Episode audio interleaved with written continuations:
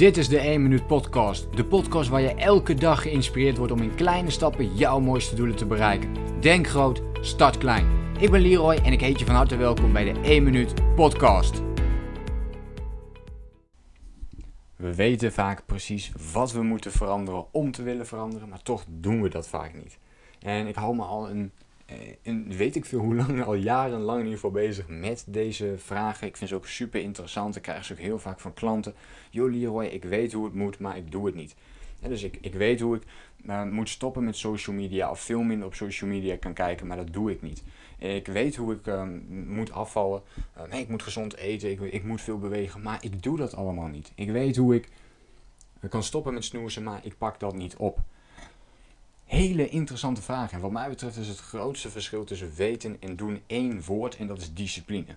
En natuurlijk komt er heel veel uh, meer bij kijken om dat goed te kunnen oppakken. En een van de dingen is dat we vaak te veel tegelijk willen doen.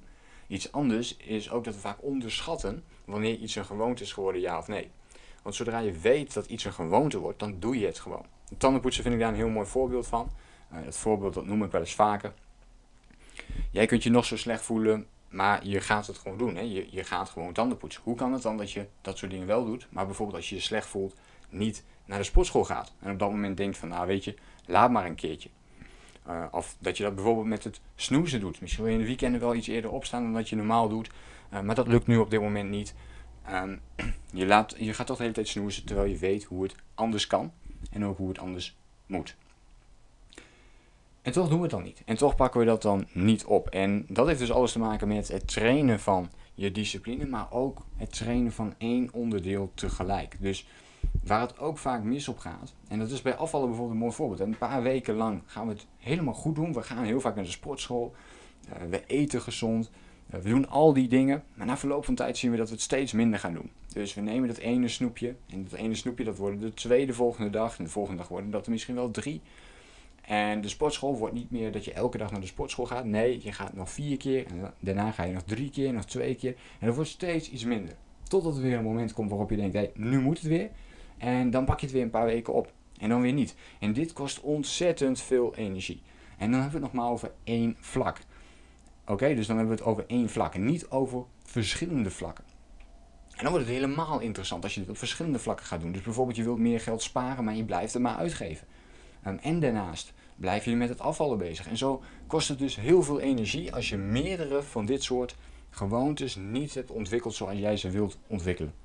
En de hele truc is om er één tegelijkertijd op te pakken. Dus als je nu wilt stoppen met snoezen, pak je alleen dat stukje op. Kleine stapjes denken. Je gaat niet van jezelf ook nog vragen om op dat moment en ook nog te gaan sparen en bijvoorbeeld uh, je relatie op dat moment te gaan verbeteren. Al die andere dingen. Nee, je focus je dan op dat ding om daar een gewoonte van te maken. Dat betekent niet dat je die andere dingen niet mag doen. Helemaal goed als je ze wel doet.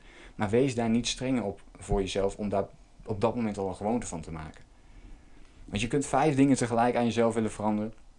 Maar dit zal heel erg moeilijk worden. Zeker als je hier een gewoonte van wilt maken. Want dan ga je weer terugvallen in het oude patroon. En dat is nu net wat je niet wilt.